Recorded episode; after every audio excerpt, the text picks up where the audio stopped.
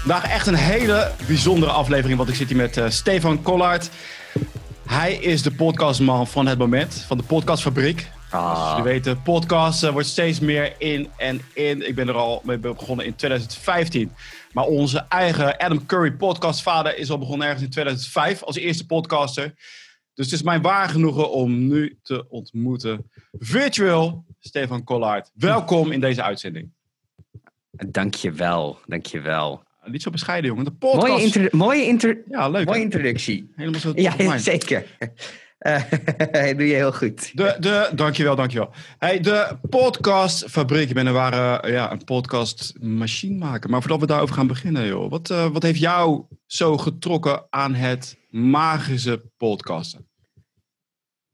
ik denk dat in die zin um, dat het bij mij een jaar of acht geleden samen is gekomen door uh, twee passies van mij. Um, de ene was Apple. Ik ben een enorme Apple-fan, al vanaf best wel jong af aan.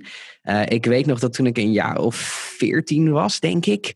Um, dat ik een iPod Touch kocht. En het was echt superveel geld. Het was de allereerste.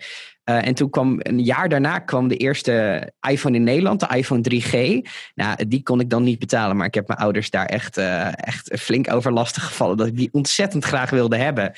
Was van, uh, nou ja, ga er maar voor werken. En toen uiteindelijk kon ik dat ding kopen. Um, en ik zat heel erg in die Apple community. Dat vond ik heel tof om te volgen en om bij te zijn. En wat je op een gegeven moment zag, was dat Apple pushte podcasting natuurlijk heel erg in het begin. Uh, dat was vooral nog in de iPod-tijd. Dan was een beetje ding van ja, oké, je hebt muziek, maar je wil misschien ook wel gesproken woord. Dat aspect van radio wil je op je iPod hebben. Um, en doordat het gepusht werd door Apple, waar ik fan van was, um, zag je ook dat de eerste Nederlandse podcasts waren vooral Apple-gerelateerde podcasts. En One More Thing, dat is een, een Apple web website community. Uh, die waren er in Nederland toch wel als een van de eerste bij. Samen met de publieke omroep die uh, eigenlijk gewoon radio-uitzendingen van Radio 1 uh, online zetten. En je had Dance Department van 538. Dat waren mijn, mijn eerste herinneringen. Je had de One More Think podcast. Je had radio-uitzendingen van de NPO. En je had Dance Department van 538. En dat was de podcast top 100. En toen ging ik naar One More Thing luisteren.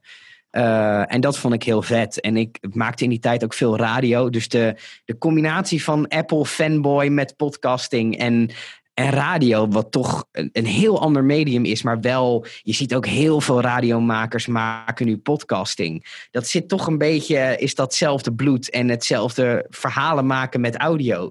Uh, dat was eigenlijk mijn eerste introductie met podcasting een jaar of acht, negen geleden. Uh, ja, en dan af en toe wat gemaakt. Ik heb in die acht jaar tijd af en toe een keer een podcast gehad. Een tijdje met een, een maatje een podcast over, over de mediawereld gemaakt. Um, alleen daar ging ik toen ook in werken. Dus toen is dat weer gestopt. Ik heb ook in het begin een beetje radiootje gespeeld met podcasting. Toen begrepen we dat allemaal nog niet zo goed. Uh, maar altijd wel podcast in de gaten gehouden. Um, nou ja, vanuit die liefhebberij van audio en radio eigenlijk. Ja, ja, ja. en uh, je vergeet een van de belangrijkste podcasts in die tijd natuurlijk. De podcast Ondernemerspassie. Van Yours ja, Truly. Ja, zeker. Begon zeker. in 2015. Ja, zeker. ja. jij was er ook vroeg bekend. bij. Ja, ja, ja. Ik, was... ik... ik zag het van, uh, vanuit Amerika ook. Hè? Dus, uh, maar ik ben eigenlijk ook begonnen door een Nederlander. Patrick Kikker. Uh, die begon ermee. Ja. Ik had een podcast over ADD opgezocht. En uh, toen dacht ik, ik ga ook eens beginnen. Uh, ook zakelijk natuurlijk. Maar ook, ja, we gaan, het zo, we gaan het er zo ook over hebben, wat podcast je allemaal oplevert. En in 2015 ben ik ook in de UK geweest Zeker. voor een van de eerste podcastconventies zelfs. over het rijlen en zeilen van yeah. podcasting. Dus ik zie nu in Nederland dat er steeds meer podcasts bijkomen. En we gaan het er ook over hebben waarom het eigenlijk nu Zeker. het moment is om in te stappen. En... Mm -hmm korte onderbreking. Kan jij jouw camera iets positioneren dat jij meer in het midden zit? Kan dat? Of heb jij uh, een... Uh... Ja, dat is goed. Ik zal hem sowieso iets naar achter. Ja, ik Knip, zit hier hoor. op een heel naar stukje in de studio eigenlijk. Maar ja, nee, top, top. Ja, check. Is dit beter? Ja, ik zit hier ook met mijn laptop. Dat is een beetje... Zo, dit is iets beter. Denk. Ja, Kijk, dat je in het. Zo. Ja. Nee, perfect. Ja, zo, zo, zoiets. Ja, top. Oké. Okay. Ja, dus jij ging als, uh, als jonge radiomaker aan de gang. Nou ja, zo, uh, zoals ik het begrepen heb, in de jaren 70 gingen ze ook zo aan de gang hè, met, uh, met de piracy channels. Zeker. Maar nu heb jij de podcastfabriek. En dat wil zeggen dat jij gewoon keigoede podcasts ja. produceert voor ondernemers. Om er ook echt cash mee te verdienen. Dus in deze uitzending ja. wil ik met jou ook hebben over alle manieren hoe je geld kan verdienen met podcasting. En het zijn er nogal wat. Het is echt een miljoenenindustrie. Pas is de grootste podcast, Joe Rogan, de Joe Rogan Experience, ja. Is verkocht voor meer dan 100 miljoen aan Apple, of nee? Spotify. Spotify. Spotify. Oké, hij is begonnen op zijn zolderkamer, Joe Rogan. Meer dan 100 miljoen. Ik denk 12 miljoen of zo wat hij gekregen heeft. De beurtwaarde van Spotify knalde omhoog naar iets van 5 miljard. Dus het is echt big business. Het is niet meer uh, de kleine jongens op de, de zolderkamer. Dit, hier gaat echt groot geld in, uh, in om. Ja. Dus we met jou met de podcastfabriek. Kan je daar wat meer over vertellen? Hoe help jij ondernemers om gebruik te maken van deze ja, enorme kans om ja, eigenlijk veel meer klanten binnen te halen? En om veel meer te verkopen. Ja, het is, dat is ook belangrijk. Het is de, de, de financiële strategie. Kijk, Joe Rogan die um, heeft eigenlijk uh, het klassieke YouTubers-verhaal gevolgd. Dus wat je ziet uh, met die YouTubers, dat waren gewoon gasten die, uh, die op een jonge leeftijd ergens op een manier een camera hadden. En dat kan een webcam zijn of een handycam van, van papa. Um, en filmpjes zijn gaan maken en dat online zijn gaan zetten, omdat ze dat toch vonden. En dat zie je bij Joe Rogan natuurlijk ook. Die, die, die is echt gewoon gestart omdat hij het heel vet vond om verhalen te maken in audio uh, als totale hobby. Uh, en, en daarom doet hij het ook al zo lang. En daarom is hij ook zo succesvol geworden. Omdat er zo'n intrinsieke motivatie in zat om dat te gaan maken. In een tijd waarin niemand anders die motivatie had. Omdat er geen geld mee te verdienen was. Dus zo'n gast zie je, die is gewoon heel lang een heel groot publiek opgebouwd. En komt steeds groter. En dan wordt je waarde op een gegeven moment uh, zo hoog. En ik denk dat we het heel uitgebreid over Spotify kunnen hebben. Want daar is iets uh, aan de ene kant heel angstigs, maar aan de andere kant wel heel interessant uh, is daar gaande. Maar daar komen we denk ik later nog even op terug. maar om je vraag te beantwoorden, je ziet eigenlijk twee manieren, een beetje om podcast, of eigenlijk drie manieren, om geld te verdienen met podcasts. Um, en twee daarvan zie je dat, um, dat mensen in een niche springen. Een niche die ze zelf heel interessant vinden. Um, en daar koppelen ze of adverteerders aan vast. Dus um, als jij, uh, nou ja, wat je bijvoorbeeld je ziet in de pretparkbranche, zijn een heleboel podcasts. Dat zijn gewoon liefhebbers van themaparken die daar uren over kunnen praten. En daar zitten specifieke sponsoren achter die uh, weten: oké, dit zijn geen 200.000 luisteraars, dit is geen 538. Maar de mensen die luisteren, die zijn geïnteresseerd in een aantal onderwerpen. Die zijn geïnteresseerd in themaparken, maar ook geïnteresseerd misschien in design of in. Daar zitten bepaalde raakvlakken in. Dus als adverteerder weet je, oké, het zijn misschien maar 10.000 luisteraars in plaats van 300.000. Maar de mensen die het zijn, die zitten wel precies in mijn branche. En de kans dat ze van mij kopen is vrij groot. Dat zie je ook met, uh, met tech-podcasts, zoals met Nerds om tafel. Dat zijn allemaal tech-georiënteerde producten die daarin uh, in adverteren. En zij krijgen daar veel meer return op um, dan als zij op een 538 zouden adverteren.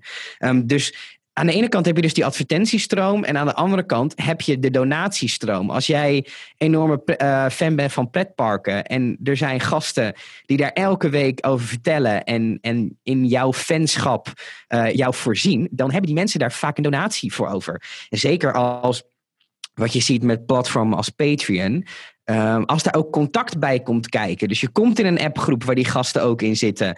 Of um, je krijgt na een half jaar krijg je een powerbank met het logo ervan opgestuurd. Dat vinden mensen ontzettend leuk en daar zijn ze bereid voor te betalen. Um, nou, deze stroom, daarvoor zien wij eigenlijk niet echt in. Want ik denk ook, dat dat soort podcasts moeten groeien, moeten een hele lange tijd eigenlijk gewoon wekelijks continu publiceren. Um, en dat zijn vaak mensen die het gewoon tof vinden, pak een microfoon. Dat hoeft ook eigenlijk niet eens per se goed te klinken. Uh, het moet er gewoon zijn en het moet specifiek op die doelgroep gericht zijn. Um, daar, dat is wel een langere adem. Want voordat je echt geld kan verdienen met donaties of met advertenties, moet je gewoon een flink luisterbereik hebben. Uh, en dat opbouwen duurt ontzettend lang. Um, dus, dus dat is een beetje de ene stroom. De stroom waar wij vooral in voorzien, is ondernemers die het onderdeel willen maken van hun marketingmix. Um, dus die um, zichzelf in de markt willen zetten. Personal branding heel erg. Uh, jezelf als expert neerzetten. En daar heb je ook veel sneller effect. Want wat wij nu heel vaak horen van bedrijven waar wij een podcast voor hebben gemaakt, is dat vooral in die laatste fase, dus, dus mensen vinden jouw website of mensen vinden jou op LinkedIn of whatever, en die hebben dan een aantal kandidaten waarmee ze in zee willen gaan, dat ze dan gaan voor diegene die die podcast heeft gemaakt, omdat ze op een zeer persoonlijke manier, want podcasts zijn heel persoonlijk, uh, al kennis hebben gemaakt met jou. Jou als persoon, jou als ondernemer. En daardoor horen dat jij het niet alleen maar doet voor het geld, maar dat jij oprecht passie hebt. Dat jij um, oprecht weet waar je het over hebt. Um, en dat is zo'n ongelooflijk unique selling point. En dat is vooral de ondernemers die wij bedienen. Nou, er zijn nog veel meer verdienmodellen. Maar inderdaad, wat jij zegt. Het alleen maar meer contact hebben met iemand maakt al dat je deze persoon meer gaat vertrouwen. Ik heb wel eens gehoord dat uh, daarom zie je in al die uh, dictaturen. Dan zie je allemaal van die Saddam Hussein posters. Dat is omdat je dan constant Saddam Hussein ziet. Of, uh, of een Stalin. Het feit dat je iemand al heel vaak ziet. Ja. Kim Kardashian. Ja. Maakt al dat je die persoon meer gaat vertrouwen. Het is volstrekt onlogisch. Heeft niks te maken met de waarheid. Maar daardoor krijg je al een intieme band met iemand. Ja. En dat is marketing natuurlijk. Uiteraard. Maar dat is al ja. zonder zelfs dat jij enige verkooptechniek hebt toegepast. Dus er zijn ook nog heel veel psychologische trucjes die je kan toepassen. Ja. Om tijdens zo'n gesprek iemand compleet in jou te binden. Dat hij niet eens meer denkt aan iemand anders. Ja. Kunnen we straks ook over hebben. Ik, uh, weet je trouwens het verhaal van uh, Joe Rogan? Waarom die is begonnen met podcasten? Nee, dat, dat moet je mij dan even vertellen. Ja, dan ga ik jou vertellen, want het, dit is, dit is uh, zeker relevant ook voor ondernemers. Kijk, Joe Rogan is een, uh, een komiek en hij is ook een uh, commentator voor de Ultimate Fighting Championship. En had al, hij was al bekend. Alleen hij ja. maakte ruzie met Carlos Mencia. Carlos Mencia was een komiek die ik ook super grappig vond, alleen hij stal voor een komieke. En mm -hmm. Joe Rogan was een van de enigen die het zat was. En die heeft op een gegeven moment gezegd van... Weet je wat, ik stop hem. Ik, uh, ik ga hem confronteren direct op het podium. Ging hij dus met mm -hmm. Carlos Mencia de strijd aan. Dat kan je op YouTube zien. Is echt hartstikke leuk. Dan zie je echt dat hij confronteert met... Uh, je bent eigenlijk gewoon een leugenaar. Heel Amerikaans of niet? Uh, nou, het was wel terecht. Want hij, hij stal ook gewoon, hè? Van Bill Cosby. Ja, maar de, vo de vorm was waarschijnlijk heel Amerikaans, of niet? Nou ja, het was gewoon, de, het is uh, zoals ik het leuk vind. Hè? Van, uh, ja, zit gewoon te stelen. Het was gewoon echt een directe confrontatie. Hou ik van. Ja, is goed. Ja, dat is heel mooi. Alleen, wat gebeurde er? Joe Rogan werd overal geband. dus hij had geen platform meer. Mm. Dus hij dacht, weet je wat, ik ga gewoon met mijn vrienden, ga ik, uh, ik moet iets doen. En daarom is hij gaan podcasten met zijn vrienden, zijn vriendenkomieken. Ja. Uh, en op die wijze is hij eigenlijk doorgebroken. En dat heeft hem op de been gezet. En daardoor heeft hij een mega publiek. Dus alleen al omdat hij een uh, ja, publiek heeft door podcasten. Uh, ja, is hij steeds bekender geworden. En kon hij dus al zijn, ja, zijn evenementen uitverkopen. Ja. Dus deze strategie helpt nu ook zeer zeker. Want je krijgt gewoon een heel mooi platform. Ja. Maar go on, my man. Nee, ja, ik was, ik was wel gedeeltelijk klaar met mijn verhaal op dit... Dan gaan we, gaan we gewoon verder. Want, op dit ehm, gebied wat je zei met die, uh, die inkomstenstromen van, uh, van een Patreon.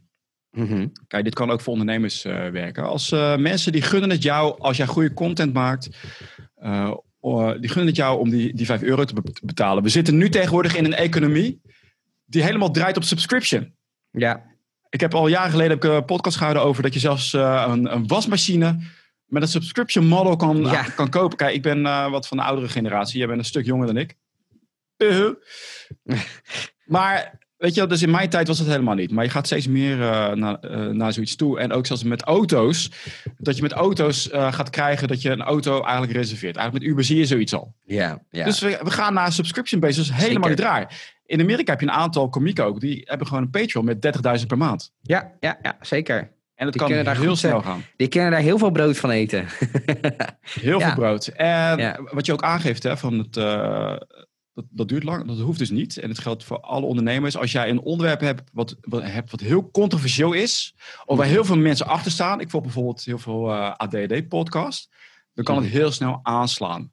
Dus ik weet niet of jij dat ook al gemerkt hebt, maar als jij een onderwerp hebt wat, wat anders is dan anders, dus wees niet een eenheidsworst. Nee, nee, nee. Doe niet wat iedereen doet. Nou, dan gaat het echt hard. Nou, wat, wat ik wel uh, zie, je ziet in Amerika, die Amerikanen zijn hier veel meer klaar voor. Als je kijkt naar het Patreon-model, um, in, er zijn nu wel, het, het, gaat, het gaat de goede kant op. En je ziet ook, maar um, in Amerika uh, is veel meer de vibe van als je iets, iets consumeert, betaal je daarvoor. En wij Nederlanders zijn daar iets moeilijker in. Um, wij vinden heel erg dat je ziet het. Um, wat ik een grappige trend vind, als je nu kijkt naar journalistiek bijvoorbeeld. Dus als je nu naar nrc.nl gaat, dan kan je vijf artikelen gratis lezen. en daarna zit alles achter een paywall en moet je een abonnementje afsluiten. Ehm, in het begin van toen NRC online ging, uh, online journalistiek was alles gratis. Want op het internet was alles gratis. En ze hebben het nu na vijf, zes jaar um, overstap op die paywall pas voor elkaar. Dat mensen het enigszins normaal gaan vinden om enigszins voor journalistiek online te betalen. En wat ik heel grappig vind, is dat je in podcasting ziet dat NRC de afgelopen jaren heel veel podcast heeft gemaakt. Um, zonder daar geld voor te vragen. Dus eigenlijk de fout die ze in het begin hebben gemaakt, namelijk online journalistiek moet gratis zijn. En daarna heel lang daaraan hebben moeten werken om dat betaald te krijgen, die maakten ze nu eigenlijk weer. En je ziet nu ook dat ze daarin, um, ze hebben nu recent een audio-app uh, gelanceerd waarin ze uh, podcast alleen gaan maken voor NRC-abonnees. Dat ze nu toch ook weer die kant op gaan. Dus ja, ik denk dat heel veel podcasts in een subscription model gegoten moeten worden uiteindelijk. Um, alleen wat je gewoon wel erg ziet, het aantal Nederlandse podcasts waar het meer is dan een leuk zakcentje op basis van Patreon en nu uh, ook Petje Af, wat een platform is wat ik um, absoluut wil benoemen. Want die gasten hebben eigenlijk alle problemen die Patreon um, had opgelost, zeker voor de Nederlandse markt. Patreon heeft nog steeds geen ideal. Um, en zij, hebben, zij zijn heel erg in dat gat gesprongen om ook een Nederlands platform uh, die ingericht is op de Nederlandse markt, waar je als Nederlandse podcastmaker contact kan hebben met de eigenaren van het platform, die je kan koppelen met je eigen molly, zodat je, um, zodat je niet uh, vastzit aan een betaalmethode van Patreon en dat zelf in de hand houdt. Het is heel goed dat dat soort platformen er zijn en je ziet ook de ontwikkeling er naartoe en steeds meer Nederlandse podcasts, maar het blijft vooralsnog voor eigenlijk elke podcast in Nederland een leuk zakcentje. Uh, en er zijn er maar een paar uh, die echt kunnen zeggen: Oké, okay, het is hier meer. Ik kan één dag van mijn werk minder gaan werken om aan een podcast te besteden. door de inkomsten van Patreon of Petje Af. Wat al een hele mooie stap is, hè? Uh, maar echt leven van een podcast in Nederland. Um, dat gebeurt eigenlijk nog niet zo heel erg. Daar, daar, daar moeten toch nog wat stappen voor gezet worden. Weet je wat die kranten uh, vergeten? Wat, zij, wat ze doen? Dan ga je naar zo'n artikel bijvoorbeeld op de Volkskrant. Ja. En dan kom je gelijk bij zijn paywall uit. Ja het is, ze, weet je wat ze, ze hebben gewoon, ze denken dat ze nog ergens in eh, begin 2000 zitten. Wat ze moeten doen is een betaalmogelijkheid maken. Dat je bijvoorbeeld een 10 cent betaalt voor dit artikel. Ja, eigenlijk wat Blendel heeft geprobeerd natuurlijk. Daar weet ik weer helemaal niks vanaf. Ja, ja Blendel, um, Blendel was een platform in eerste instantie waar je uit alle Nederlandse kranten, ze hadden iedereen om boord, een artikel kan kopen voor 10 cent of 15 cent. Of was een beetje afhankelijk van um, hoeveel letters er in het stuk zaten. Um, en ze hadden toen best wel een goede API gebouwd, die ook uh, volgens mij de persgroep, dus de Volkskrant, Parool, dat soort kranten, hadden geïmplementeerd. Dat je, um, als je bij een artikel was, kon je of inloggen met je abonnement, of je kon uh, die 15 cent uit je Blendel portemonnee betalen. Dus als je ingelogd was bij Blendel en je kwam op een paywall die dat had geïmplementeerd, kon je direct via Blendel dat artikel kopen. Alleen het probleem was dat uh, niet rond kon komen van die micropayments. Dus die zijn toen een subscription gestart waarin je artikelen kon, lezen. Um, maar Blendel kon daar, dus, kon daar niet van rondkomen. Dus het is wel geprobeerd. En wat je nu gewoon ziet is dat al die partijen blijkbaar dus niet voor kiezen om hun eigen micropayments te introduceren. Ja, gaat weer. Hè? Kijk, wat ze doen is, Oké, voor dit waanzinnige artikel betaal je dat bedrag. Alleen wat ze mhm. niet doen is verkopen. En dat was vroeger ook niet nodig. Alleen moet mensen binnenhalen met uh, niet een droge tekst maken. Je moet een tekst maken die aanspreekt.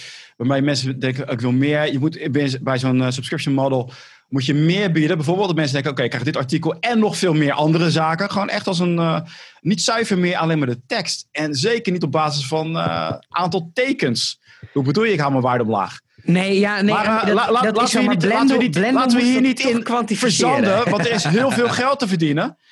En kom het met wat, uh, wat voor leuke voorbeelden heb jij met, uh, je gaf al aan, aan het einde van de rit gaan mensen, mm -hmm. hebben ze bijvoorbeeld de keuze uit drie, uh, drie bedrijven waar, waar, ze mee in zee willen gaan. Ja. En dan gaan ze luisteren naar het bedrijf wat jij, waar jij die podcast voor geproduceerd he, hebt. En dan gaan ze kiezen voor dat bedrijf. -hmm. Neem mij mee in zo'n proces. Wat wordt er geproduceerd? Waar gaat het over? Heb je, een voor... je, mag, je mag reclame maken voor een aantal van, jou, uh, van jouw ja. klanten. Eh, laat, je hebt, je hebt trouwens een nieuwe klant. Ik weet niet, die ik ook persoonlijk ken. Ik weet niet of je daar ja. al wat over mag zeggen. Nee, laten we, mag, laten, we dat, zeggen... laten we dat even achterwege laten Oeh, nog. Het, echt, er, is nog niks, er, is nog niks, er is nog niks getekend. Maar, um... Deze man is echt heel goed. Dus dat gaan we disclosen ja, als het mag. Heel, als ik we ben, gesproken ik ben, hebben met de woordvoerders. Ik ben heel enthousiast. Dat, uh, dat first things first. Um, maar uh, om dat even buiten beschouwing te laten. Um, wat, wat je ziet is dat ehm, we zitten in een tijd van personal branding. En dat mag, godverdomme, sorry, nee, uh, dat mag uh, Potjandori, uh, knip dat mag Potjandori, mag dat dus tijd worden. Want um, ik word er zelf ook doodmoe van als ik op een website kom waarvan je meteen doorhebt dat het een eenmanszaak is of dat het een klein bedrijf is. En dat er heel erg uh, van de toren wordt geblazen en gedaan alsof, uh, alsof je een, een, een multinational bent. En dat, dat is de vibe die er jarenlang heel erg geweest is. Als ondernemer maak je jezelf groter en je bent een entiteit en een bedrijf. En hartstikke leuk. Ik ben blij dat we daarvan afstappen. Wat je nu gewoon ziet, is dat de nieuwe ondernemingen die snel uh, voet aan de grond krijgen, dat zijn mensen die zichzelf naar voren strekken. En ik denk dat dat alleen maar goed is. Want het is heel leuk dat je in al je communicatieuitingen doet alsof je een PR-bureau hebt en whatever. Maar uiteindelijk komt iemand bij op kantoor en dan is het jij of jij en een collega en um, ik vind dat nog, juist alleen maar... Nog fantastischer. Ja, veel beter. Je, als ik binnenkom. Het is, hey. het is zo ontzettend leuk om um, mensen te zien die, die passie hebben voor hun vak. En traders, als, dat, als dat de key takeaway is van deze podcast, is het zet, jij bent, jij bent jij en jij bent je product. Kijk, wij maken podcasts, er zijn veel meer bedrijven die dat doen. Um, en dan kan je, het is altijd, wat ik hoor ondernemers is, ja, hoe onderscheid je jezelf? Dat soort zaken. Het, het, het enige wat echt onderscheidend is aan elk bedrijf, is de persoon, personen, in, in het geval van de podcastfabriek, zijn met z'n tweetjes, die het runnen. Um, en als je met ons in zee gaat, dan krijg je onze creativiteit en onze. En ik ben er ook nog heel helder in. Oké, stel je luistert nu naar deze podcast en je denkt: ik vind die Stefan echt een enorm vervelende gast. Dan moet je ook helemaal niet bij mij een podcast af gaan nemen, want je gaat dan met mij werken. En, en als je me nu al irritant vindt, dan gaat dat. Dan moet je iemand anders zoeken die meer bij je past. En ik denk dat dat de angst is die veel mensen hebben. Als ik mijzelf personal brand, um, dan ga ik misschien wel mensen afschrikken. Want ik ga dingen zeggen die ik vind. Ik ga meningen geven.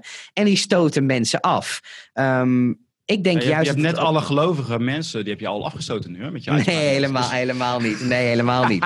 uh, maar um, dus, dus alsjeblieft, doe, doe dat juist wel. Want op het moment um, dat jij gewoon bent wie je bent en, en het vertelt vanuit jou en jouw mening geeft, dan heb je een groep mensen die niet bij je passen. Nou, die gaan ergens anders naartoe.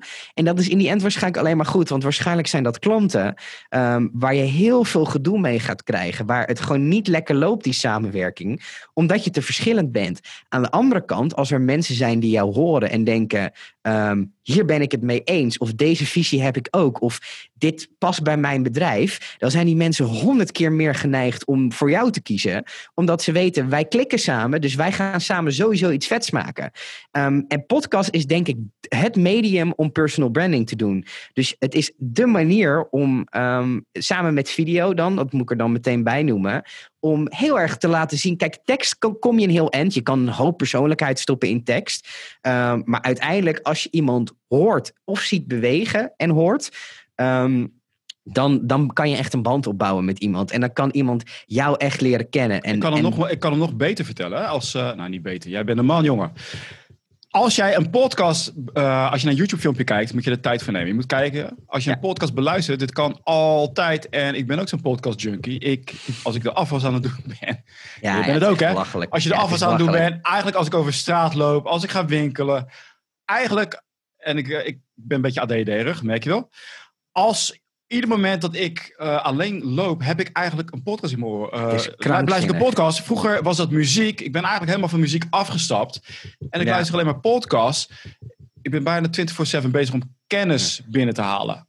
Elke keer als dat tintje van mijn streaming service, van mijn muziekstreaming service, als ik die afgeschreven zie worden, dan denk ik, waar doe ik het eigenlijk nog voor? Want ik, ik ben heel erg bezig met playlist maken, muziek ontdekken, whatever. En dan heb ik die playlist gemaakt en ik luister gewoon eigenlijk geen muziek meer. Want ik, ben, ik, ik betrap me er zelf soms op wat ik dan heb. Dan luister ik in de auto naar een podcast.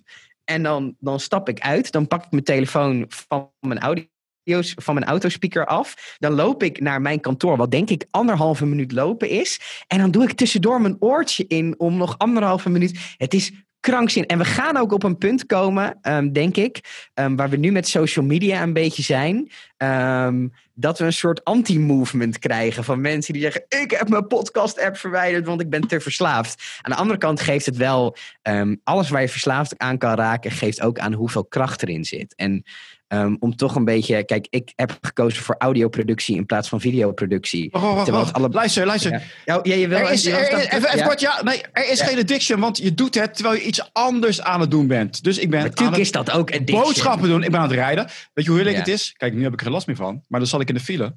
Ik zat een podcast te luisteren. Ik dacht, who cares? Uren is, en uren en het uren. Is ook, dus het, is, is helemaal geen addiction. Het is ook belangrijk om af en toe een beetje mindful te zijn en een beetje naar de natuur te kijken in plaats van. Uh... inderdaad. ik zit helemaal... Maar goed, laten we. Um... Ga verder. Ik wil weten hoe jij. Een ik ben een bedrijf. Uiteraard, ja. ik ben een bedrijf. Kijk, ik ben zelf een, uh, de podcastman, maar er komt een ander bedrijf. Heb jij een voorbeeld van een bedrijf wat gebruik heeft gemaakt van jouw diensten? En uh, help me even mee met het doorlopen van het proces. Want veel mensen denken: het is ingewikkeld, het kost veel tijd. ik vind het eng om mezelf neer te zetten. wat, wat moet ik dan Waar, waar, ga ik het dan over hebben? Ja. Hoe werkt dit? Um, nou, um, wat je, je moet eerst gaan kijken, en dat vinden heel veel mensen ook een enge vraag, maar wie is je doelgroep? Dus je moet gaan kijken, oké, ik heb, um, ik wil meer klanten. Want dat is eigenlijk vaak iedereen die, iedere ondernemer die marketing doet, die wil uiteindelijk meer omzet draaien. Dat is de, de reden waarom je een, een marketing een marketingbedrijf benadert, omdat je meer omzet wil halen uit je bedrijf. Um, dus je moet altijd gaan kijken, oké, waar liggen voor mij de kansen? Welk, waar ligt mijn markt? En ik hoop altijd dat de ondernemer dat zelf weet. Dat is ook vaak zo, maar soms is dat ook niet zo.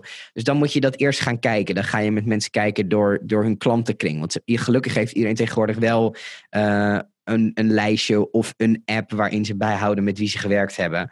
Um, dus dan ga je kijken, oké, wat zijn de overeenkomsten? Wat zijn de klantsegmenten die je daaruit kan halen? En vervolgens moet je gaan bedenken, oké, hoe kan ik mijn bedrijf inzetten? Um, wat ik doe, mijn kennis, mijn expertise vooral, want dat laatste is denk ik heel belangrijk. Um, om te laten zien wat ik kan en om mensen te bereiken. En dat kan eigenlijk dus op twee punten. Ik noemde net vooral natuurlijk dat eindpunt. Ik denk dat daar echt, echt, echt de kracht zit van podcasting. Dus een beetje later in de funnel, oké, ik wil ik wil iemand uit die sector wil ik hebben. Um, en dan vervolgens als die podcaster is, dan hoor je dat, dan leer je iemand kennen en daarom kies je voor diegene. Dat horen wij ook het meest terug van klanten. Dat zien we ook terug uit cijfers waar die podcast het meest gewerkt heeft. Maar je kan het natuurlijk ook in een veel eerder stukje inzetten op je LinkedIn, um, op je website, et cetera. Wij knippen altijd voor onze klanten fragmentjes. Dus we gaan kijken in een podcastaflevering, oké, wat zijn nou de kippenvel quotes of de inspirerende Stefan, ik ga, ik ga je onderbreken. Dat mag heb je voor mij één bedrijf, even als, als voorbeeld, ja. waarbij je dit gedaan hebt. En ook, uh, ja, ik weet niet, mag, mag je het erover hebben? Zo, ja, mag toch wel? Ja, nou, kijk, ik mag wel wat. Wat ik, wat ik heel vaak hoor, is dat een, een, een klant waarvoor wij gewerkt hebben, die noem ik ook best wel vaak, is Santé uh, van Karin Kalman. Zij is theesommelier um, en zij gaat uh, naar bedrijven toe um, en dan geeft ze een thee-workshop. Het is gewoon heel erg, heel erg leuk. Mensen vinden dat best wel tof. Um, en we hebben met haar een hele mooie verhalende podcast gemaakt. Want er zit uh, rondom thee zitten heel veel legendes. Er zitten heel veel uh, grappige, leuke feitjes. Er zit een heel. Uh, het is heel verhalend, want al die thee hebben een mooie oorsprong. Beetje terug naar de oudheid, de Aziatische cultuur. Er zitten zo waanzinnig mooie verhalen. En we hebben ook best wel veel hoorspelelementen daarin gestopt. Want je hoort natuurlijk zo'n thee, zo'n theezetje met dat water. En dat, zij heeft een heel mooi ritueeltje. Hele mooie spullen heeft ze ook. super lekkere theeën. En dat zijn we met haar, die verhalen en die zijn, hebben we in een podcast, hier komt een woordgrap, gegoten. Um, en um, wat zij, zij vraagt altijd, ze neemt altijd na zo'n workshop een enquête af van uh, bij ondernemers, hoe ben je bij mij uitgekomen en waarom heb je voor mij gekozen en niet voor mijn concurrenten. En zij krijgt zo verschrikkelijk vaak te horen van bedrijven dat ze uiteindelijk voor haar zijn gegaan, omdat zij die podcast had, omdat ze hoorde hoe gepassioneerd zij kon vertellen en omdat ze hoorde hoeveel mooie verhalen daarin zitten. En zo'n bedrijf wil natuurlijk vooral gewoon een leuk uitje. Um, je kan heel puristisch gaan lopen doen, maar dat schiet in zo'n workshop niet op. Zo'n bedrijf wil gewoon een leuk uitje. Um, en okay, als je haar zo gepassioneerd wordt... Haar bedrijfsmodel was dat zij, uh, ze geeft een, uh, de T-experience. En ja. ze, gaat, ze, na, ze gaat naar een bedrijf toe om dat te doen. Ja, exact uh, dat. Dus dan heeft zij eigenlijk als markt bijna eigenlijk alle bedrijven die een leuk uitje willen. Ja, nou ja, ja, ja, ja, okay. ja. En waar, wat was dan de content van de, de podcast zelf? En heb je de naam van de podcast? Ja, zeker. Het heet de Santé Podcast, want dat, dat, is, haar, dat is haar bedrijfsnaam. Ja. Ehm, en um, nou ja, goed, we, hebben vooral veel legendes um, behandeld. Dus ik ga ook geen legendes vertellen. Ik weet ze allemaal niet uit mijn hoofd. En ik, uh, zij kan dat ook 10.000 miljoen keer mooier vertellen dan ik. Uh, ze heeft zo'n goede stem, ook zoveel rust. Dat is zo gaaf. Um, maar zij, uh, zij, nou ja, goed, zij neemt heel, je heel erg mee terug naar de Aziatische oudheid. En uh, verhalen van, van het allereerste, uh, de allereerste thee die ooit gemaakt was, was een gast die zat te mediteren tegen een boom aan met heet water. En tijdens die meditatie viel er een, een blaadje viel in dat glas. En daar ontstond een, een, ja, een explosie. Ik gebruik de verkeerde terminologie. Sorry Karin, ik hoor Karin nu al allemaal. Uh, uh, maar dat blaadje dat viel in de thee. En daar, daar, daar, toen ging hij dat opdrinken. En dat was echt zo'n Eureka-moment van wow, wat is dit? En toen ging dat, dat soort legendes. Nou, dat zijn natuurlijk zulke mooie verhalen. En als je dan ook nog iemand hebt zoals Karin Kamman, die dat fantastisch kan vertellen. Uh, en die daar zoveel passie in. Ik heb nog nooit zoveel passie meegemaakt als die vrouw. Um, dan, dan is dat te gek. En dan werkt zo'n podcast ook als een malle. Um, dus zij wordt daar gewoon heel veel. Maar we, we pakken allerlei segmenten. We doen heel veel voor schrijvers ook. Uh, hebben ook een uitgebreide blogpost uh, op onze website, podcast-fabriek.nl, over geschreven. Um, dat, dat schrijvers, die, dat zijn al verhalen vertellende mensen over het algemeen. Die hebben eigenlijk al een podcastindeling. Want ze hebben twaalf hoofdstukken in hun boek. Nou, dat zijn over het algemeen twaalf, uh, twaalf podcastafleveringen. En um, wat ik dan vaak de angst hoor is, ja, als ik mijn, mijn, mijn oeuvre al vertel in een podcast, waarom zouden ze dan mijn boek nog kopen? Maar je ziet eigenlijk concreet dat de conversie, want die kan je vrij, als je een podcast op je website zet en je zet een link naar bol.com en je zet daar een trackingcode op, dan kan je er vrij makkelijk uithalen uh, hoeveel mensen er converteren. Maar je ziet gewoon, als je mensen um, niet de extreme diepte van een boek, maar, maar één laagje daarboven. Um, en je introduceert mensen over onderwerpen die ze nog niet kenden. En ze, in, ze interesseren zich daar dan voor dat zijn boek supersnel gekocht is. En iemand die helemaal nog niks heeft met die onderwerpen, um, gaat je boek niet kopen. Dus je denkt dat het aanverrecht werkt, maar het zorgt er juist voor dat je al best wel veel informatie geeft. Dat mensen denken: verdomme, ik, ik vind het vet en ik wil nog dieper erin. En dat kan in jouw boek, dus ik ga jouw boek kopen. Um, dus dat zijn sectoren waarvan wij heel erg zien dat het werkt. Evenementen hebben we gedaan. Uh, we hebben voor Harlem Jazz een podcast gemaakt. Um, ook was ook heel leuk. Het was een, een evenement dat door kon gaan in coronatijd. Dus daar, dat is ook super interessante content. En ook daar dan weer een trackingcode naar de, ticketprij, naar de ticketpagina toe. En dan merk je gewoon dat er gewoon serieuze conversie is. Uh, die ik op andere platforms lastig kan bereiken. Dat conversiepercentage. Dus dat ja, maakt... weet je, dat komt. Het komt omdat gewoon, als je kijkt naar. Ja, ik ben de statistieken kwijt. Maar het aantal uh, blogposts bijvoorbeeld is miljoenen malen groter ja. Uh, het aantal YouTube-filmpjes is miljoenen malen groter dan podcasting. En podcasting is relatief. Eigenlijk is Klein dat de Blue Ocean. Dus je hebt nog alle kansen. Ik ben in 2015 begonnen. Ja. Stond ik, uh, stond ik gelijk op de Jij begon helemaal in, uh, Ik had gewoon geen concurrentie. Jij begon helemaal in de Sahara, want er, was niks. Ik kwam bij BNR toen in 2016 om te praten over de toekomst van podcasting. Dus uh, ja. ik kreeg gewoon een had je niet moeten doen, Had je niet moeten doen, want... nee. Ik heb ze op het idee gebracht. Het was nog voordat BNR begon met podcasten, dat klopt. Ja. Kijk, uh, waar ik het ook over hebben is. Wat, wat mij het meest heeft opgeleverd, los van de omzet, is de contacten die ik opdoe door podcasting. Kijk, ik Zeker. heb gekozen voor uh, het interviewmodel. Waarom? Ik vind het leuk om met mensen te praten. Ja. Ik ga ook starten met een uh, solo podcast. Dus mm -hmm. die is misschien in de lucht als deze komt. Spannend. Maar het mooie is dat je ik kan met al mijn idolen, ook met jou, Stefan, ik kan gewoon contact met jou. Ja, ik kan gewoon contact ja. met jou opnemen. En zeg, hey, wil, je, ja. wil je geïnterviewd worden? Ja. En dit is op deze manier heb ik hele goede zakelijke relaties, maar ook persoonlijke relaties opgedaan. Zeker. Vriendschappen opgebouwd. En je wordt uitgenodigd voor van alles. Je, je kan heel snel, ga je de diepte in. Uh, ik hou niet van small talk, dus voor mij ook ideaal. Ik ook. Dus de contacten die je op... Ja, dat, dit hoor ik van heel veel uh, podcasts of entertainers. Je kan Podcastmakers snel... zijn vaak, hebben vaak iets lichtelijk autistisch ook. Dat herken ik zelf ook wel. Ja, ja, ja, ik hoorde van Adam Curry zelfs. Die heeft uh, Gilles de La Tourette syndroom zelfs. Ja. Kom ik achter. Uh, het, maar... is ook wel, het zegt wel iets over je als je... Podcastmakers lullen natuurlijk in feite tegen de muur aan. Ik, ik zit hier uh, in een studio en ik lul tegen een, een muur aan met zwarte foamplaten.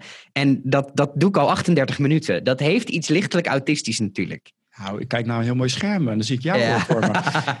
ik moet, het, is heel, het is heel lastig om uh, inderdaad naar zo'n camera te staren. Maar ja. weet je, netwerk. Uh, het, het, contact, het netwerk, een van de podcasters waarvan ik weer even de naam van kwijt ben, die ga ik zo, uh, ga ik die zo erbij zetten. Oh, trouwens, Aartjan van, van, van Erkel, die heeft een boek geschreven over internetmarketing. En die heeft heel zijn boek, heeft hij in een podcast, heeft hij de audio compleet gratis weggegeven. En dan zag je inderdaad dat zijn boekverkoop daardoor gigantisch steeg. Zelfs mensen die dus een hele boek inlezen. Mensen die een audioboek eigenlijk podcast maken. Dat die alsnog vanuit daar super converteren naar, naar boeken. Ja, het is, ik kan het psychologisch wel uitleggen. Maar ik vind het nog steeds wel fascinerend, zeg maar. Je hoeft niks achter te houden. Dat is het ook. Nee. En dan ben ik even mijn punt kwijt. Ja, eh, de contacten die je opdoet. Hè? Ja. ja, dus een, uh, uh, kan met podcast bijvoorbeeld. Ik ben, een, uh, ik ben een consultant en ik wil bij een bedrijf naar binnen stappen. Dan kan ik daarheen gaan en zeggen: hé, hey, luister, ik ben een consultant, ik kan uh, dit en dit probleem voor je oplossen. Ja. Maar het is overt selling, wil je niet. Ik kan ook zeggen: hey, ik maak een podcast over uh, directeur, hoe zij omgaan met probleem X. En uh, ik wil graag bij jou een uitzending komen. Dan kom ik lekker bij jou op kantoor. Ik heb mijn, mijn Zoom recorder. Daarmee kan je heel makkelijk podcast opnemen. Ik ga met jou het gesprek aan. Tijdens dat gesprek ga ik altijd uiteraard vragen stellen. En dan kom je al bij problemen. En dan komt die persoon zelf op het idee van: oh ja, wacht even. Eh, die CEO die je dan hebt. Ik wil graag, uh, ik wil het wel oplossen. En je hebt een salesklant binnen. Ja. Hoe makkelijk is dat? En hebben we het niet over, uh, over die 5 euro per maand. Nee, zo'n klant kan 10, 20, 30, ja. 100.000 euro opleveren. Ja. Wat je, hè, dus er zijn heel veel technieken die er zijn. Wat je ook kan doen, bijvoorbeeld een, een, een, een uh, dat je een, een, een, questionnaire in jouw industrie rond laat gaan. Dat kan ook via een podcast gaan. En dan zeg je bijvoorbeeld van hoe ga je om met probleem X, Y en Z? En dan kan je tegen andere ondernemers zeggen: Wil jij weten hoe die andere ondernemers hiermee omgaan? Ja. Download mijn podcast. Luister naar mijn podcast. Dit is het hele businessmodel van Tim Ferriss natuurlijk. Ja. Uh, nee, ja, dat is zo. Nou ja, wat, het, het, is grappig dat je dit benoemt, want het is hoe, hoe wij als de podcastfabriek überhaupt zijn begonnen. Wij uh, maakten, ik, ik was hiervoor was ik developer, programmeur. Um, en um, ik werkte voor een van de bedrijven die nu uh, van, van Koen. Koen is nu mijn partner in de podcastfabriek. Um, en ik, ik werkte er als developer. Nou, ik was heel veel podcasts aan het luisteren. Ook zelf hier en daar al, al wat aan het maken. Um, en hij had wat marketingproblemen. En toen zei ik, laten we een podcast maken waarin we, het komt een beetje op neer, hij had een dienstenplatform. Dus ik kon zeggen, uh, ik ben developer. Iemand anders zegt, ik ben tuinier. En dan komen wij in contact met, yo, ik, ik, kan echt niks met een hark. En hij en ik kan niks met de computer. Uh, laten we elkaar helpen. En um, we wilden eigenlijk vanuit daar de diensten van mensen in het zonnetje zetten. Dus toen zijn we een wekelijkse podcast gestart. De Passie Podcast maken we nog steeds. Um, waarin we wekelijks iemand van het platform uitnodigden. Nu ook daarbuiten, maar toen echt alleen van het platform. Um, om zijn dienst uit te lichten, te vertellen hoe dat is ontstaan. De Passie Podcast. Heel erg gericht wel op het emotionele. Je zit veel meer op de inhoud van, uh, van een bedrijf. En, dat soort, en wij zaten veel meer op, oké, okay, hoe was je als kind? Uh, je was als kind al aan het tekenen. Wat voor tekeningen maakte je? Dat soort veel meer op het emotionele aspect. Uh, maar vanuit daar kregen wij regelmatig de vraag van ondernemers. Van, um, yo, ik heb zulke leuke reacties gekregen in mijn netwerk. En ook werk eruit gekregen. Dat ik wel een hele reeks wil gaan maken. Een, een, zelf een podcast wil gaan maken. Helpen jullie daarbij? En de eerste keer zeiden we nee. En de tweede keer dat we dat gevraagd kregen, dat was in dezelfde week ook. Toen uh, hadden we wel zoiets van: hey, we zijn hier ook inmiddels best wel goed in geworden. Um, laten we het gewoon een keer doen. En toen zijn we dat gaan doen. En dat was zo leuk. En dat ging ook best wel goed. Uh, dat we zoiets hadden, nou, we gaan naar de Kamer van Koophandel. En we gaan ons inschrijven. En we zien nu nog steeds dat die passiepodcast voor ons uh, inderdaad een manier is om heel veel ondernemers te ontmoeten. Zeker in Haarlem, waar we dan zitten. Hebben op die manier zoveel mensen leren kennen, zoveel ondernemers. Um, waardoor je ook vragen krijgt vanuit de gemeente. Waardoor je ook vragen dan weer krijgt vanuit andere gemeentes. Um, dus je ziet gewoon dat het ontmoeten van heel veel mensen via je podcast uh, eigenlijk nu de fundering is van de klanten die we in ons bedrijf hebben een jaar later. Ja, dus het is, het is zo makkelijk om in contact te komen met uh, ja, iedereen. Ja. Ik ben nu ook bezig met Amerika bijvoorbeeld.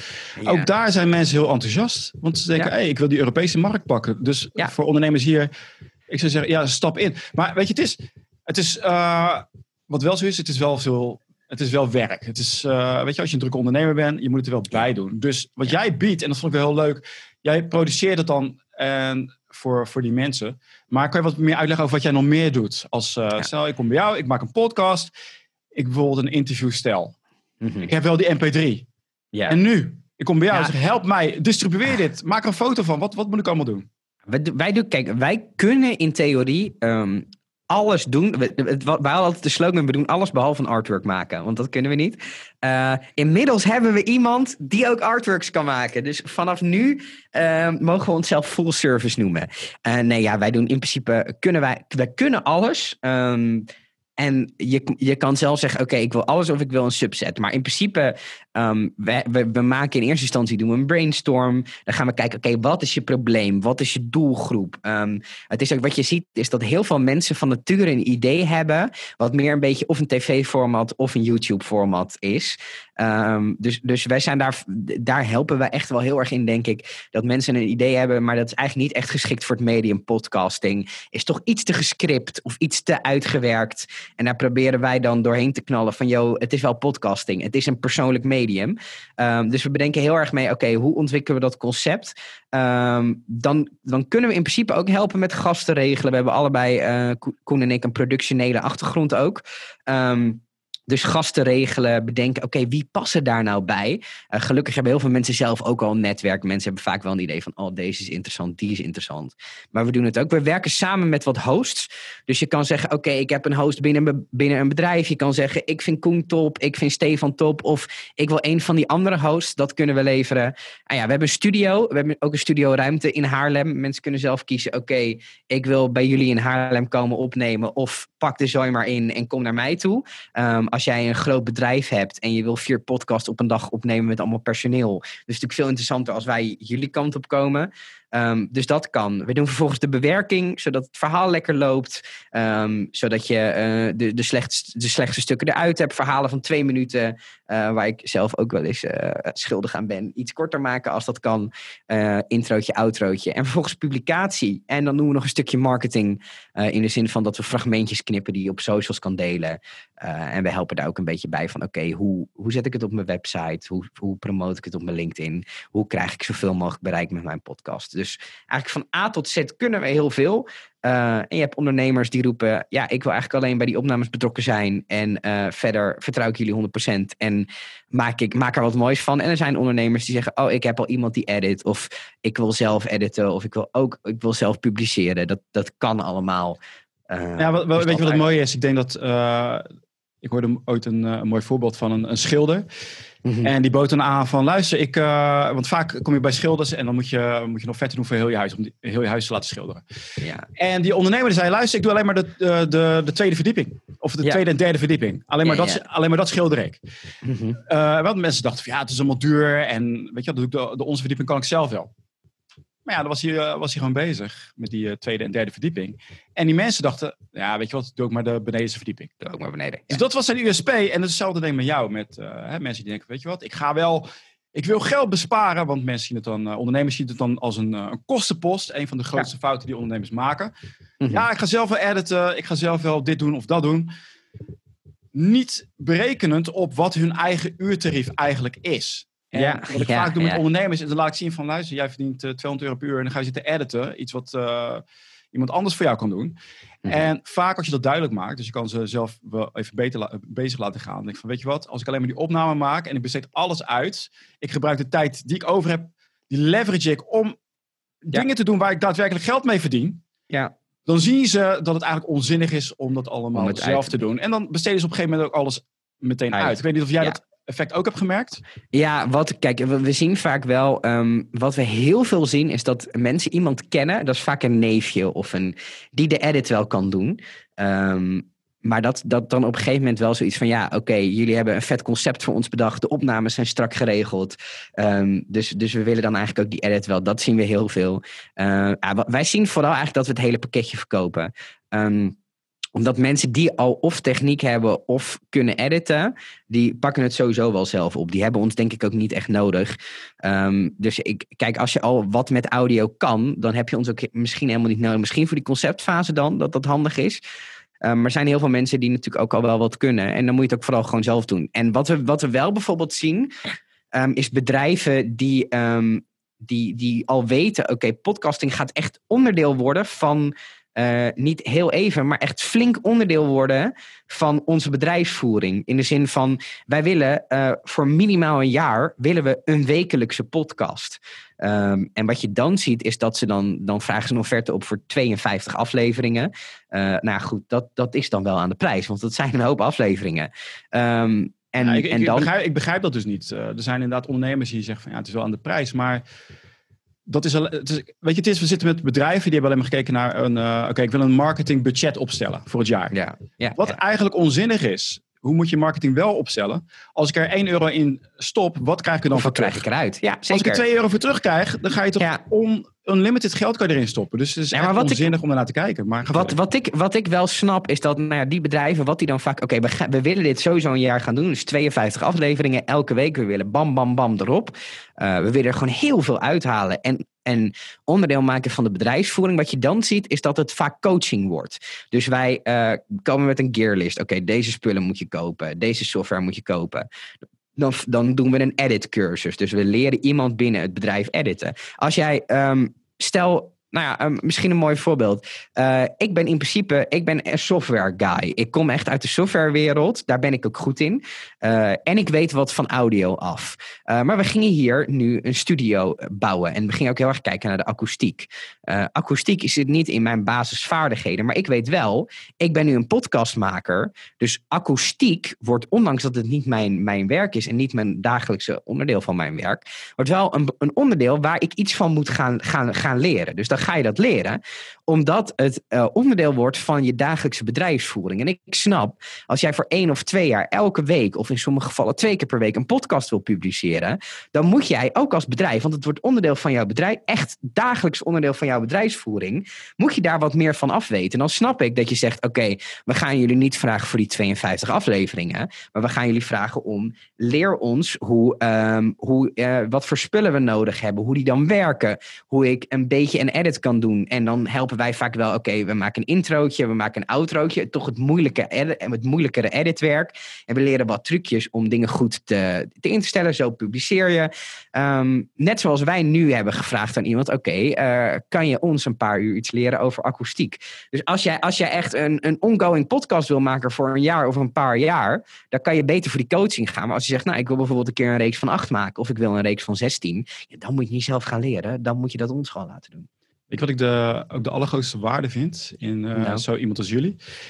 Is vaak heb je als ondernemer, stel je bent eh, een ondernemer, je bent een groter bedrijf. Je hebt allerlei mensen en dan is het, het gaat erom, je moet een besluit nemen om te beginnen. En dan is het vaak als je eenmaal bijvoorbeeld eh, een bedrijf als jou hebt ingehuurd, dan staat het ook op de agenda en dan gebeurt het ook. En Ja, anders blijft ja. het maar zo overal doorheen gaan. Van, Dus, oh ja, we moeten ook die podcast nog ja, doen. dus de waarde zit er alleen al. Oké, we hebben een bedrag betaald. Hè? You pay, you play.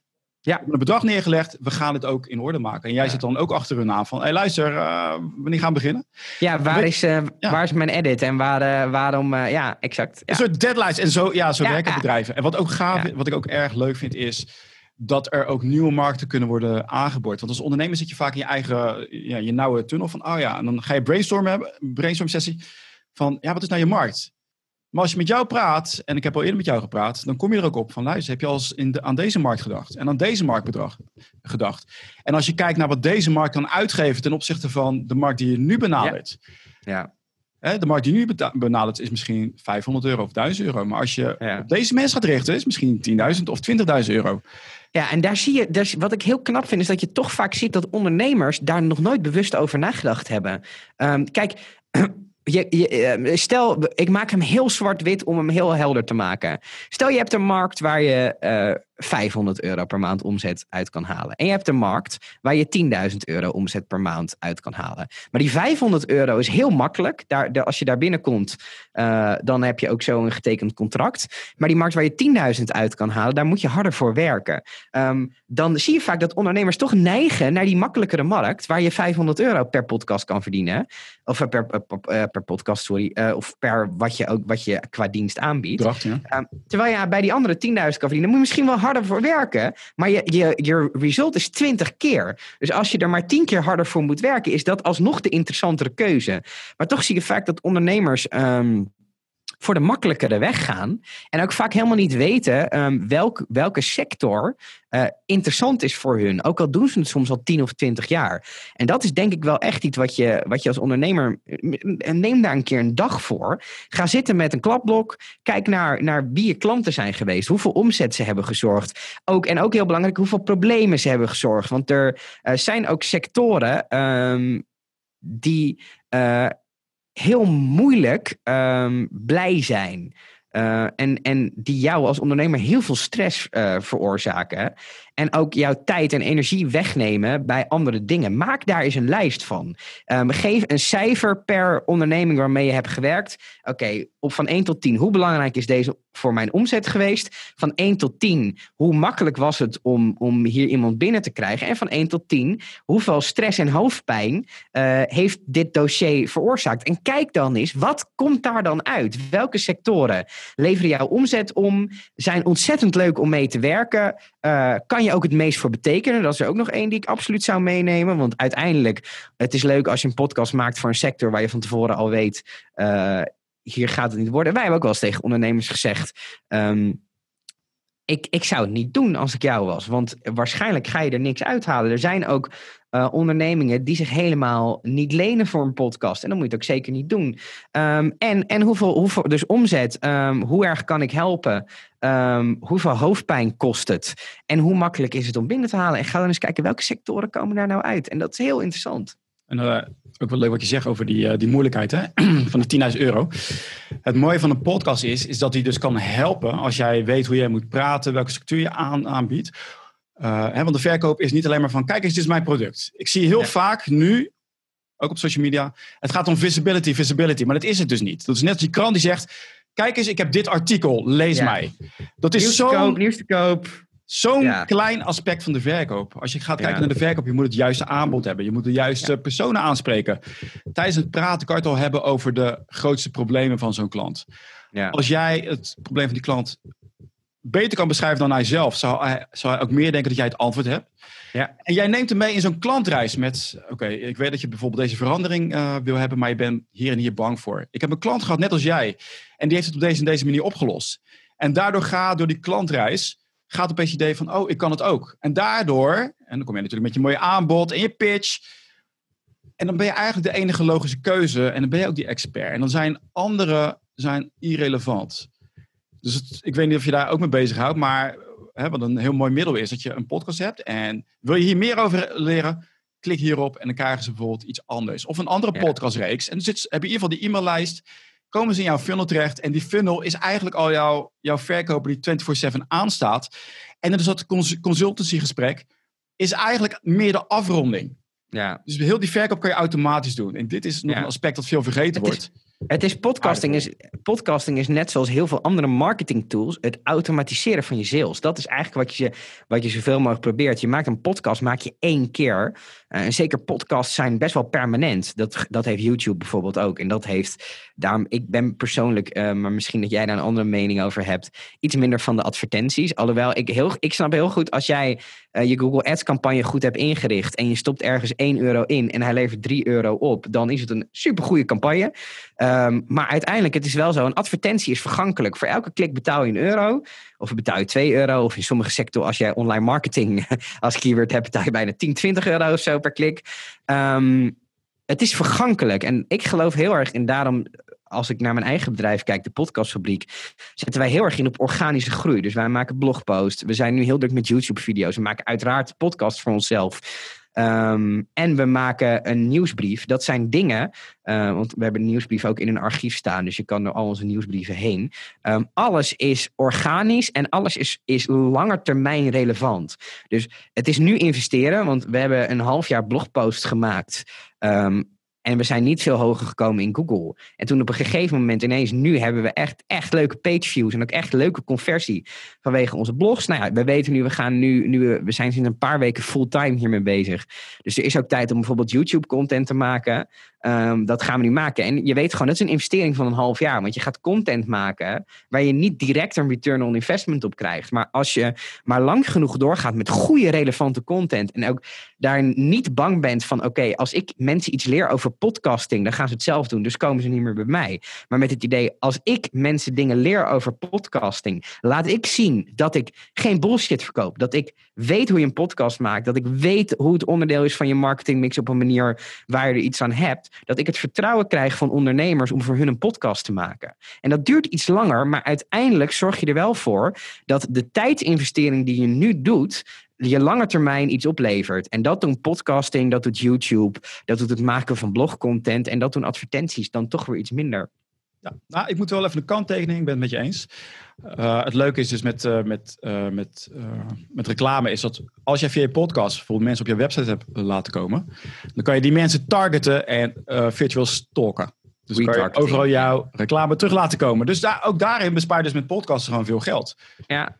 Dus je, in, die, in die eerste acquisitie heb je dan niet. En dan kan je inderdaad met een Facebook pixel of whatever, kan je, kan je die retargeting doen. Het, dat, ja, dat, dat, ja het, is het, is het bekende verhaal dat mensen op Coolblue hebben gekeken naar stofzuiger. En dat vervolgens heel nu.nl één grote stofzuigeradvertentie uh, is geworden.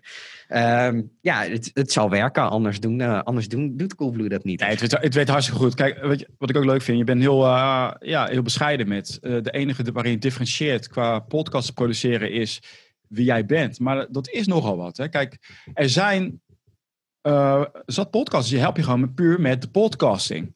Ja. Maar dat is eigenlijk het meest simpele gedeelte. Het gaat over de marketing. Hoe ga je het inrichten?